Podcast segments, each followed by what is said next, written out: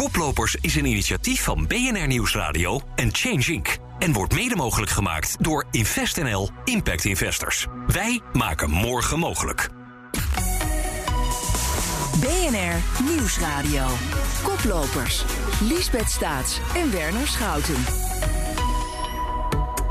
Je luistert naar Koplopers, een programma over innovaties voor een duurzame en toekomstbestendige wereld.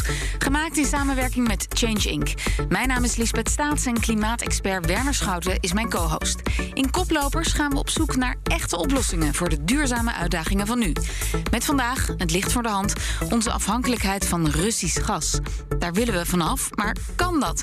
En welke consequenties heeft een mogelijke contractbreuk met Gazprom? Meer dan 120 Nederlandse gemeenten zitten ineens met een wat ongemakkelijk contract. Ze nemen gas af van het Russische staatsbedrijf Gazprom. Nou, we financieren in ieder geval de staatskas van de Russische Federatie. In principe stroomt het gas.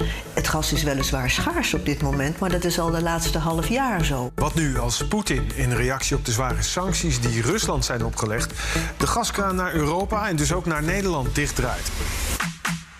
Ja, Werner, jij uh, maakte zelf nieuws deze week. Ik zag je bij Nieuwsuur. Je hebt het initiatief genomen voor een petitie die ons af moet helpen van de contracten met Gazprom. Hoe zit dat? Ja, klopt. Ja. we kwamen een, een, onderzoek van Follow the Money tegen. Eh, waaruit bleek dat 120 gemeenten en meer dan 50% van de waterschappen afnemer is bij Gazprom. En daarmee dus eigenlijk de, de, de, met tientallen miljoenen euro's jaarlijks de, de Russische oorlogskas ook spekt. En uh, wij hebben een, een petitie gestart om die afhankelijk eigenlijk afhankelijkheid te stoppen. En die is inmiddels bijna 70.000 keer ondertekend. Kijk, nou ja, we gaan het verder niet over die petitie hebben vandaag, maar wel over onze afhankelijkheid van Russisch gas. Want uit Noorwegen en de VS komt nog niet genoeg, simpelweg.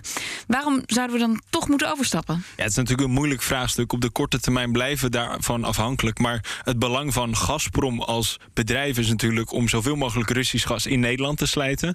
Uh, terwijl alternatieven, Nederlandse duurzame alternatieven zoals pure energie, Eneco, Green Choice, die investeren juist ook in opties om ons minder afhankelijk te maken. Zoals warmtepompen, warmtenetten, isolatie. En daarom is het goed om bij een Nederlandse aanbieder te zitten in plaats van bij Gazprom. Ja, nou, en over die afhankelijkheid van Rusland in dit opzicht gaan we vandaag praten. Bij ons in de studio is Sander Mager. Hij is bestuurslid bij de Unie van Waterschappen, de overkoepelende vereniging van de 21 waterschappen in Nederland. En hij werkt ook bij het waterschap Amstel, Gooi en Vecht. Welkom Sander. Dankjewel.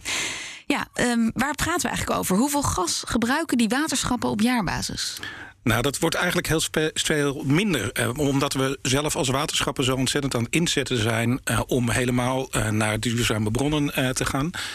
en je ziet dat het eh, aardgas wat wij nu nog gebruiken, gebruiken we vooral voor het verwarmen van onze gebouwen. Maar belangrijk is dat die waterschappen zelf ook heel veel warmte produceren. En ook aardgas produceren. Inmiddels groen gas noemen we dat.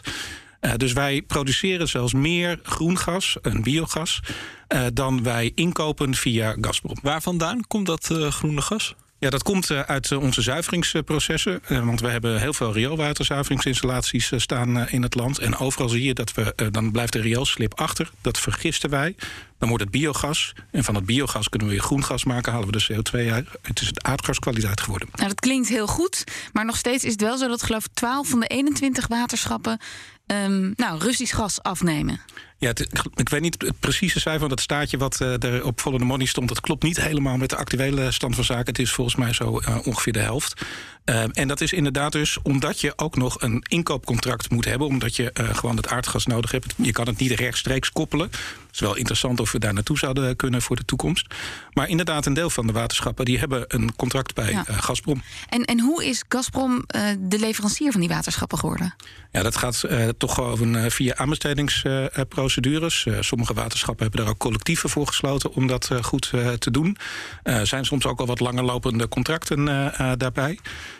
Uh, dus uh, ja, en daar kan je natuurlijk ook wel naar kijken van welke criteria gebruik je daar nou in. Juist ook om op duurzaamheid uh, te, te scoren. Mm -hmm. En dan zie je dat er ook de laatste tijd heel veel waterschappen juist bij het andere leveranciers een contract afgesloten hebben. Ja, want jouw eigen waterschap, Amstelgooi en Vecht, waar je actief bent, die neemt af van Green Choice, een veel duurzamere, duurzamere partij. Hoe zijn jullie dan tot die beslissing gekomen in tegenstelling tot de andere waterschappen? Nou ja, kijk, elk waterschap maakt zijn eigen afweging daarbij. Wij hebben meegetenderd met een, een grotere tender van de gemeente Amsterdam. Overigens is daar Eneco uitgekomen. het staatje klopt ook daar niet helemaal op. Maar wij hebben inderdaad heel erg ingezet op duurzaamheidsaspecten. omdat we dat zo belangrijk vinden in die, in die afweging. Maar dat toch even wat me bijstert, verbaast ook, is de positie van Gazprom is de afgelopen jaren natuurlijk al best wel discutabel. Ze zijn in 2014 is dus dan de Krim al binnengevallen. Het is al jaren bekend dat, het een, uh, dat er corruptie bestaat, ook binnen het bedrijf. Zijn dat dan geen, geen criteria om Gazprom structureel op uit te sluiten? Nee, dat zijn op dat, nee, dat zijn tot op heden geen criteria geweest om op uit te sluiten. We hebben gewoon een open markt in die zin. We hebben zelfs nu nog de vraag gesteld van als wij eh, in lopende procedures uh, of aanbestedingstrajecten Gazprom aan de voorkant uit zouden willen sluiten, kan dat eigenlijk wel? Mag dat? Uh, dus niet alleen op basis van criteria, maar gewoon op het feit dat er op dit moment sancties tegen, zo'n, uh, mm. tegen, tegen Rusland zijn. Dus dat is nog niet makkelijk om daar aan de voorkant op uit te sluiten. Gazprom was ook heel lang eigenlijk best een oké bedrijf uh, in die zin. Wel natuurlijk uh, eigendom van de Russische staat. Maar dus dat is een, niet een afweging die op die manier gemaakt is. Maar was het dan, ging het dan ook heel erg over de prijs? Was het uit zo'n tender, kwam, kwam Gazprom gewoon als de goedkoopste naar voren? Uh, ja, dat is wel iets waar Gazprom heel erg op gescoord uh, heeft. En natuurlijk is dat altijd een bredere uh, afweging, maar prijs is ook belangrijk. Want dat is natuurlijk ook weer wat wij in onze tarieven doorzetten. Maar je ziet dat dat aan het veranderen is. En het mogen duidelijk zijn dat wat er nu gebeurt in de Oekraïne...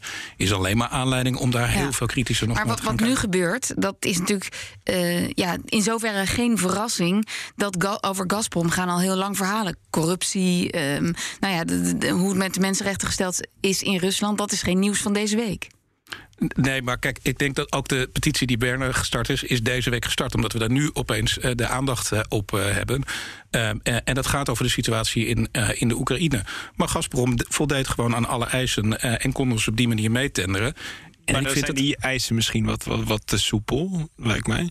Nou ja, dat gaat wel over geopolitieke vraagstukken ja. natuurlijk. Ja. Uh, zeker nu, want dat is de reden waarom we er uh, nog kritischer naar, uh, naar kijken. En dan, en dan, terugkijkend vanuit de Unie van Waterschap ook. Is, is die, die, die drang naar de laagste prijs is goedkoop dan nu uiteindelijk toch niet duurkoop? Omdat die maatschappelijke kosten van die, die, die contracten met, met Gazprom zo hoog zijn nu. Nou, maar wij, wij focussen ons dus niet alleen op die laagste prijs. Ik geloof dat geen één waterschap dat gedaan heeft gezegd heeft, alle andere argumenten die doen niet mee. Um, en uh, wat we als Unie juist heel erg aan het inzetten zijn, eigenlijk twee sporen. Wat kunnen we op de korte termijn? Het is gewoon heel kritisch kijken naar kunnen we van die contracten uh, af. Juist omdat er nu sancties uh, tegen Rusland zijn. Kan dat?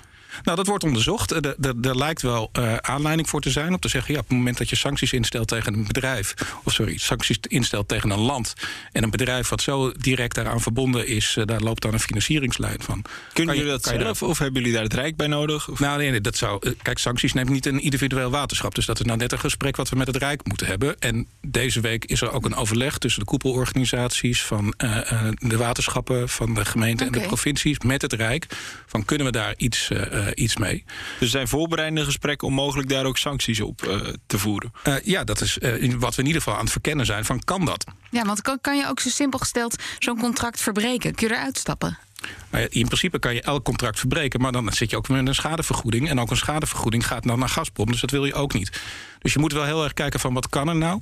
Je moet ook heel erg goed kijken wat is het alternatief op de korte termijn. Want we zijn gewoon in Europa heel erg afhankelijk van uh, Russisch gas. Dat ligt niet aan die contracten van de waterschappen. Dat is gewoon de hele situatie van het systeem.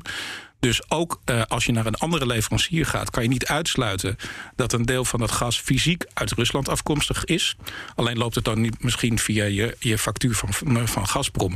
Maar heb je het probleem in de kern nog niet opgelost? Dus daar maar moeten we naar kijken. We investeren wel in die alternatieven, toch? Dus het is wel wezenlijke verbetering door voor Green Choice, pure energie, Eneco te kiezen in plaats van Gazprom. Ja, daar zitten, daar zitten absolute voordelen aan. Maar daarmee heb je het dus nog niet opgelost, het uh, systeem. Want ook uh, die leveranciers als die jij uh, noemt, die kunnen op die uh, groothandelmarkt ook weer Russisch gas uh, inkopen. Dus dat heb je nog steeds niet helemaal uitgesloten nee, daarmee. En, en, hoe kijk je daar nu op terug eigenlijk?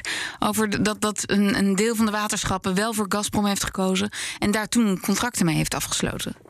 Nou, ik, ik, ik, denk dat je in die, in die huidige situatie kijk je anders naar dit soort afweging. Daarom zijn we nu ook aan het kijken van zou je eventueel van zo'n contract af kunnen. Maar ik denk dat uh, op dat moment dat die keuzes gemaakt werden, waren dat volgens mij geen verkeerde afwegingen die daar uh, gemaakt zijn. Je kijkt er nu anders naar. En, nog veel belangrijker, je moet naar die toekomst kijken. Want als je het systeem echt wil veranderen... Ja, dan moet er in Nederland gewoon naar veel meer zelfvoorzienendheid. Dat is de grote les. Ja, en ik denk dat die waterschappen daar juist heel erg goed mee bezig uh, zijn. Want nogmaals, wij produceren zelf al, nou, ik geloof 25 keer meer gas dan we als waterschappen inkopen via Gazprom.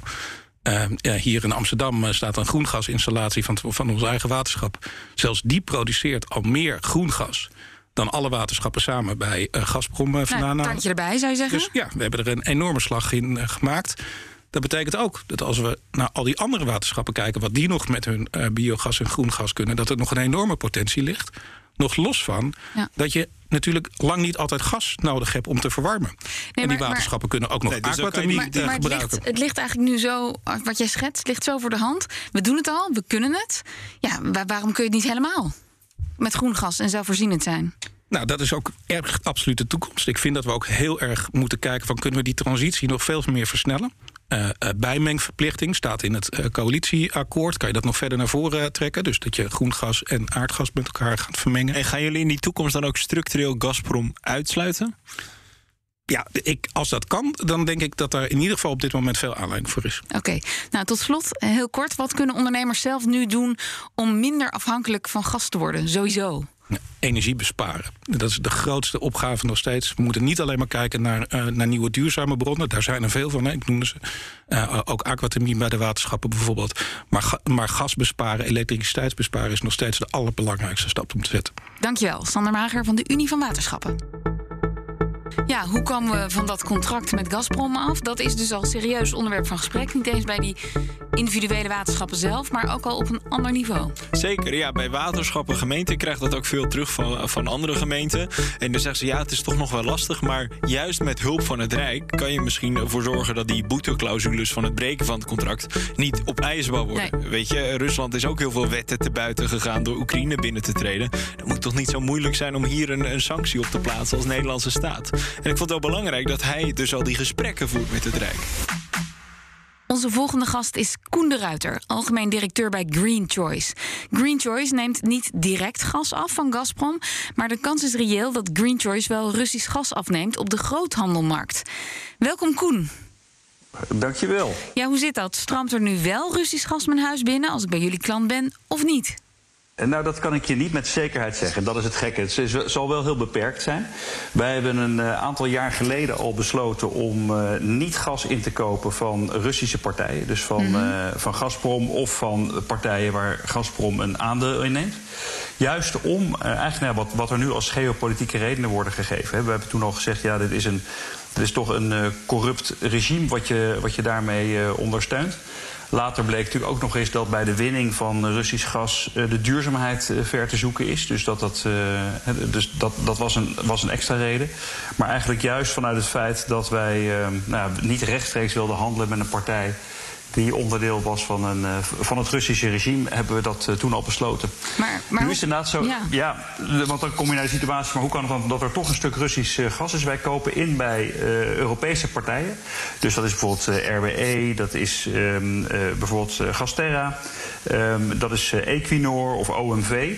Nou, die partijen kopen op de wereldmarkt in. En daar zit, daar zit zeker ook Russisch gas in. Mm. Dus en dat zal voor een volledig uit te sluiten dat jullie. Nee, dat is, en dat, is, dat zou ik een enorme verbetering vinden als dat wel kan. Als je kijkt bij groene stroom, hè, daar kun je gewoon zeggen van ja, wij zorgen ervoor dat als wij voor onze klanten dat inkopen, dat door de middel van certificaten van oorsprong en zo, dat we zeker weten dat er extra groene stroom dat net ingaat. Kan en dat ik denk op termijn dat ook voor gas gaan gelden? Nou, dat zou denk ik een heel goede zijn. Ik denk dat dat een enorme verbetering zou zijn als dat, uh, als dat zou kunnen. Ik denk dat heel veel mensen dat graag, uh, graag zouden willen, inderdaad. En jullie stellen... om, het, om het even af te maken, ik denk dat het toch belangrijk is dat je, dat je inkoopt bij die Europese partijen en niet rechtstreeks bij, uh, bij Gazprom.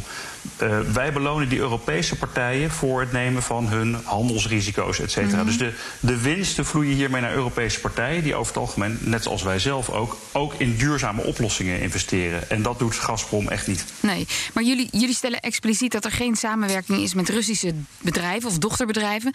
Um, ja. Wat voor gevolgen heeft dat gehad voor jullie? Um, nou ja, kijk, dat, je ziet dat er een. Uh, jullie hadden het net over de aanbestedingen. En daar is best een fors deel van naar uh, Russische, hè, naar Gazprom rechtstreeks gegaan. Als ik dat eventjes vergelijk met de, met de elektriciteitsmarkt, dan zie ik dat, wij, dat ons aandeel daarin heel veel groter is. Dus wij, hebben, uh, wij zijn in gas duurder, onder andere overigens, omdat wij al het gas dat wij leveren bos compenseren.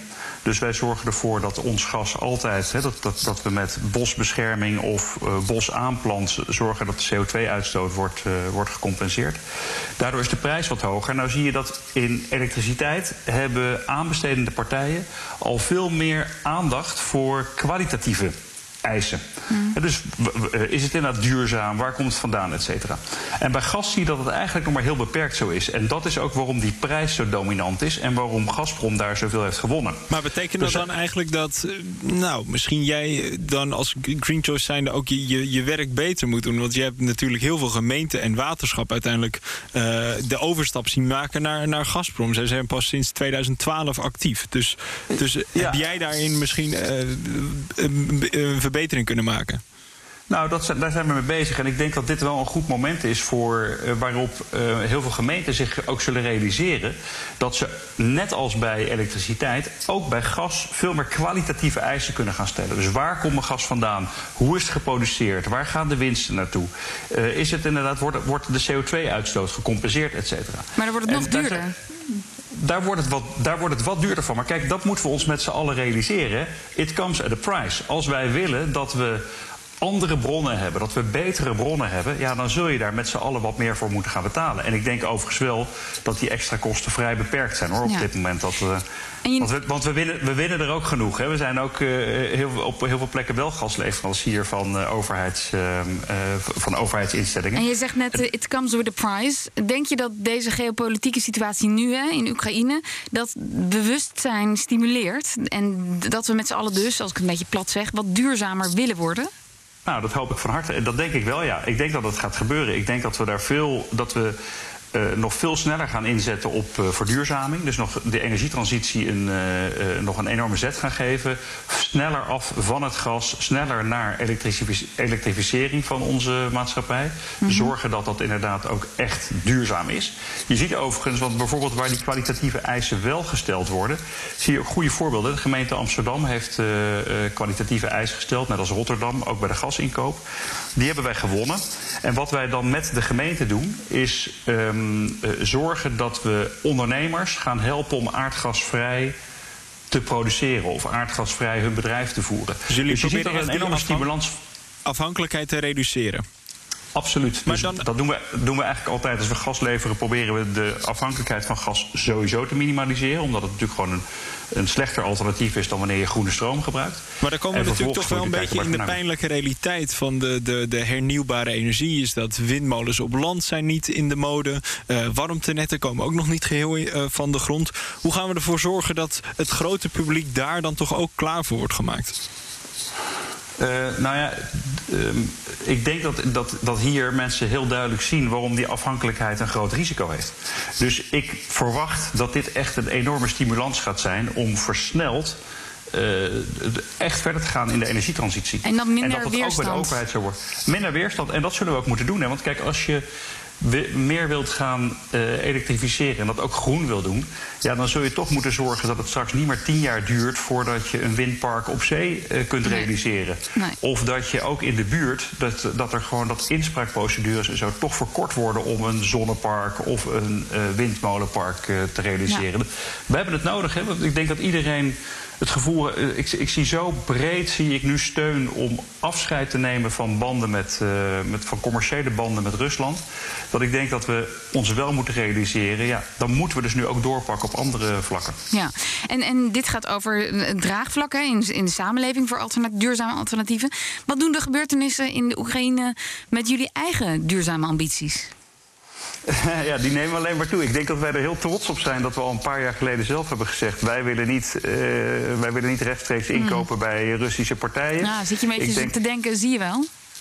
Nee, dat is niet het gevoel. Ik denk alleen dat we er wel trots op zijn dat wij zelfstandig die keuze toen al hebben gemaakt. En die afweging in al. Dus dat je laat zien eigenlijk daarmee, je kunt ehm, zelf je uh, beleid aanpassen op wat je denkt dat goed is.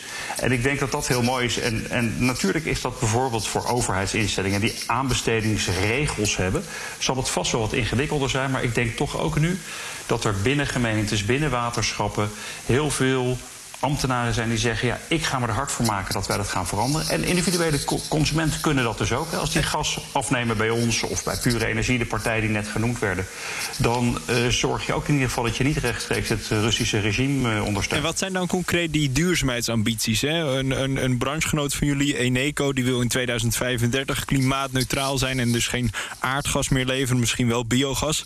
Wanneer is Green Choice volledig onafhankelijk van het aardgas? Uh, dat kan ik je nu nog niet zeggen. Daar zijn we naar aan het, uh, aan het kijken. Kijk, ik denk het andere wat, um, wat van belang is, is dat wij proberen onze klanten daar echt mee te helpen.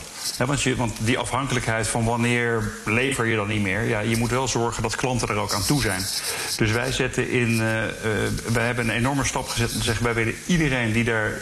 maar jullie maken die klanten toch ook klaar om juist aardgasvrij te zijn? Dus dan Zeker. Dus daar moeten we gaan een doen. jaar op zetten. Da ja, ja, dus daar zijn we nu mee bezig om te kijken wanneer dat precies kan. Maar vergis je niet, de opgave die er ligt voor warmtepompen, et cetera, die is uh, gigantisch. En daar gaan we graag mee aan de slag. Maar ik zou het zonde vinden als we alleen maar naar onze huidige klanten kijken en zeggen: Nou, wanneer hebben we die een warmtepomp, uh, uh, hebben we die een warmtepomp mm. kunnen leveren? Ik zou veel liever kijken naar de groep die we helemaal nog niet bedienen. En hen ook gaan helpen om die stappen te zetten. Want er moet heel veel in Nederland gebeuren. Dankjewel, Koen de Ruiter, algemeen directeur van Green Choice. Graag gedaan. Ja, hij was bescheiden, Koen Ruiter. Maar hij moet toch wel blij zijn dat zij jaren geleden al voor de duurzame route hebben gekozen. En dus nu niet aan uh, partijen als Gazprom vastzitten. En dit moet voor hun echt een beetje een uh, ik zei het toch momentje zijn. Ja, uh, hij dus ontkende dat, hè, trouwens. Maar ja. hij was wel blij en trots. Ja, en voor hun is het natuurlijk ook goed. We hebben het vaak in een negatief licht over de hoge gasprijs. Maar het maakt de alternatieven voor gas, zoals warmtepompen, et cetera, een stuk aantrekkelijker. En daar zullen zij ook garen bij spinnen. En dat is goed voor de energietransitie natuurlijk. Nou ja, het is nu een soort. Iedereen kijkt met extra aandacht naar partijen uh, die het al doen. En dan laten zien dat het kan. En misschien willen mensen daar ook meer voor betalen. Ja, ja. En hier praten we even door met Sander Mager, Unie van Waterschappen... en Koen de Ruiter, algemeen directeur van Green Choice. Ja, in de gesprekken uh, met jullie allebei kwam al naar voren... dat die transitie, dat dat zo belangrijk is... en dat die ook misschien versneld wordt. Um, Koen, ik dacht dat jij wel iets positiever daarin stond dan Sander. Klopt dat? Uh, nou, ik ben in ieder geval positief. Ik, ik, denk dat dit wel een extra impuls gaat geven. Dat klopt, ja. Ja, en Sander, hoe denk jij dat? Ik ben heel positief over die transitie, uh, omdat ik zie wat er allemaal kan. Maar ik zie ook dat dat uh, niet zomaar gaat. En daar hebben we echt wel iets met, met elkaar te doen. En ik denk dat die waterschappen heel erg voorop lopen in wat ze daarin laten zien wat er mogelijk is. Maar ook wij lopen tegen systeemvraagstukken aan. Wat dan zo? Nou ja, wij zien dus dat wij op dit moment kunnen wij groen gas produceren uit ons biogas. Um, maar daar, dat is financieel interessanter om dat in de automobiliteit te stoppen dan in de uh, van de gebouwde omgeving bijvoorbeeld. Nou, daar kan je je wel van afvragen. Is dat nou iets waar, uh, wat nou echt die energietransitie uh, helpt? Mm. dus er zijn veel van dat soort aspecten waar je denkt van ja, daar kunnen we nog enorme stappen zetten met elkaar. Maar daar ben je dus ook niet van overtuigd dat dat nu, gezien de geopolitieke situatie, versneld wordt? Ik verwacht wel dat dit een extra impuls krijgt, omdat we ons nog meer gaan realiseren hoe uh, uh, niet duurzaam het is om van uh, grote onduidelijke relaties afhankelijk te zijn. Dus hoe dichter je het bij jezelf organiseert, hoe beter dat eigenlijk is. Dan heb je er ook de meeste sturing op. Dus dat is volgens mij waar we naartoe moeten. daarbij, we moeten naar andere bronnen toe. want uiteindelijk gas verstoken om warm van te worden. Ja, het is, het is een beetje wat, wat onze voorouders ja. deden. dingen in de brand steken. Terwijl er ook op heel veel plekken op een veel duurzame manier warmte bijvoorbeeld bijvoorbeeld gewonnen kan worden. Koen zei ook dat uh, het wel duidelijk een stuk betere keuze is om voor een, een, een, Nederlands duurzaam initiatief te kiezen op het gebied van gas. Die was daar veel ja, duidelijker over de, dan jij. Verschillen jullie van mening op dat vlak? Uh, nee, dat denk ik niet. Ik, maar ik realiseer me ook dat elk waterschap daar zijn eigen politieke afweging uh, in maakt. En, en, wij hebben dat uh, in, in het Amsterdamse heel nadrukkelijk gedaan, waar we ook echt heel erg op duurzaamheid ingezet hebben. dus dat heeft zeer bepaald waar wij terecht gekomen zijn. En wij zijn zeker niet bij de goedkoopste terecht gekomen. Nee, en, en Koen, hoe, hoe, hoe hoor jij dat aan? Vind je dat ze genoeg doen? Nou, ik vind er zijn bij waterschappen zeker hele goede voorbeelden uh, te zien. En wat ik wel aangaf is heel vaak zien wij dat die met name aan de elektriciteitskant uh, zitten. En ik denk inderdaad, en daar is misschien de, dit waterschap dan een mooi voorbeeld van dat het ook met gas kan. En dus als ik net de, de gemeente Amsterdam en de gemeente Rotterdam ook noemde, die daar ook extra voorwaarden stellen. Um, er is heel veel mogelijk, want ik denk dat het je zelfs ook wel kunt zeggen... Um, nou, wij willen geopolitiek niet dat ons gas daar en daar vandaan komt. Maar inzetten op het compenseren, inzetten op um, een samenwerking met je leverancier... om het totaalverbruik te reduceren. Ik denk dat dat allemaal hele goede kwalitatieve voorwaarden zijn. En dan zul je meteen zien dat al de partijen die gewoon heel simpel zo goedkoop mogelijk gas willen leveren uit dubieuze bronnen, dat die afhaken, want dat wordt veel te ingewikkeld voor ze. En Koen uh, Sander komt morgen bij zijn leden van de Unie van Waterschappen en uh, die gaat dan vertellen: dit is de nummer één voorwaarde die bij onze aanbestedingen moet worden meegenomen. welke voorwaarde is dat in jouw optiek? Nou, kijk, klassiek zeg ik natuurlijk toch in ieder geval. De, de, zeg ik, um, zorg ervoor dat de CO2-uitstoot zo beperkt mogelijk is. Dus zorg ervoor dat je aan de ene kant samenwerkt met je leverancier om te reduceren. En dat je compenseert wat je toch nog uh, verbruikt. Dat zou ik als nummer één uh, toch blijven hanteren. Maar ik vind, er, ja, er is natuurlijk nu toch een heel duidelijke over de herkomst van het gas bijgekomen. Ja. En, en Sander, aan jou dan de vraag eigenlijk. Koen moet natuurlijk dit verhaal gaan vertellen over uh, dat, dat Green Choice of een Nederlands initiatief beter is. Wat moet hij nou in de bestuurskamers van de waterschappen vertellen om ervoor te zorgen dat uh, hij de handen daar op elkaar krijgt voor een, een, een, duurzaam alternatief in plaats van Gazprom? Zonder dat we hier meteen het contract willen uh, onder, ondertekenen. Het gaat even ja, niet om Green Choice. Het gaat er over het inzichtelijk maken van alternatieven. Hoe kan het ook? Uh, uh, waar stuur je dan uh, op? de goede voorbeelden laten zien, dat helpt volgens mij. En ik denk dat ook, vergeet niet, ook die waterschappen zijn natuurlijk gewoon politieke besturen. Dus de actie die jullie nu gedaan hebben, met name Werner, om ook burgers bewust te maken van: hé hey jongens, maar dit is wat er aan de hand is. dat helpt ook heel erg.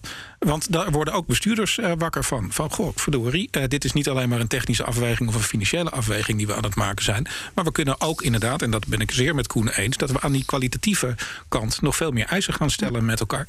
Ik denk dat daar echt een stap te maken is. En want jullie zijn publieke instellingen met een, die een publiek belang vertegenwoordigen. Zouden jullie dat niet meer een boventoon moeten laten voeren, ook in die keuzes, door expliciet voor Nederlandse partijen te kiezen? Uh, ja, dat, dat kan, maar dat is ook een politieke afweging. Uh, en, en dus zal je zien dat verschillende waterschappen op basis van hun uh, politieke samenstelling daar andere keuzes in maken uiteindelijk. Hier moeten we het bij laten. Dank jullie wel. Sander Mager namens de Unie van Waterschappen en Koen de Ruiter namens Green Choice. Dank jullie wel. Tot zover de podcast van Koplopers. Volgende week zijn we er weer in de radioversie en hier in de podcast. Koplopers is een initiatief van BNR Nieuwsradio en Change Inc. En wordt mede mogelijk gemaakt door ASR. Voor al uw duurzame zakelijke verzekeringen. ASR doet het.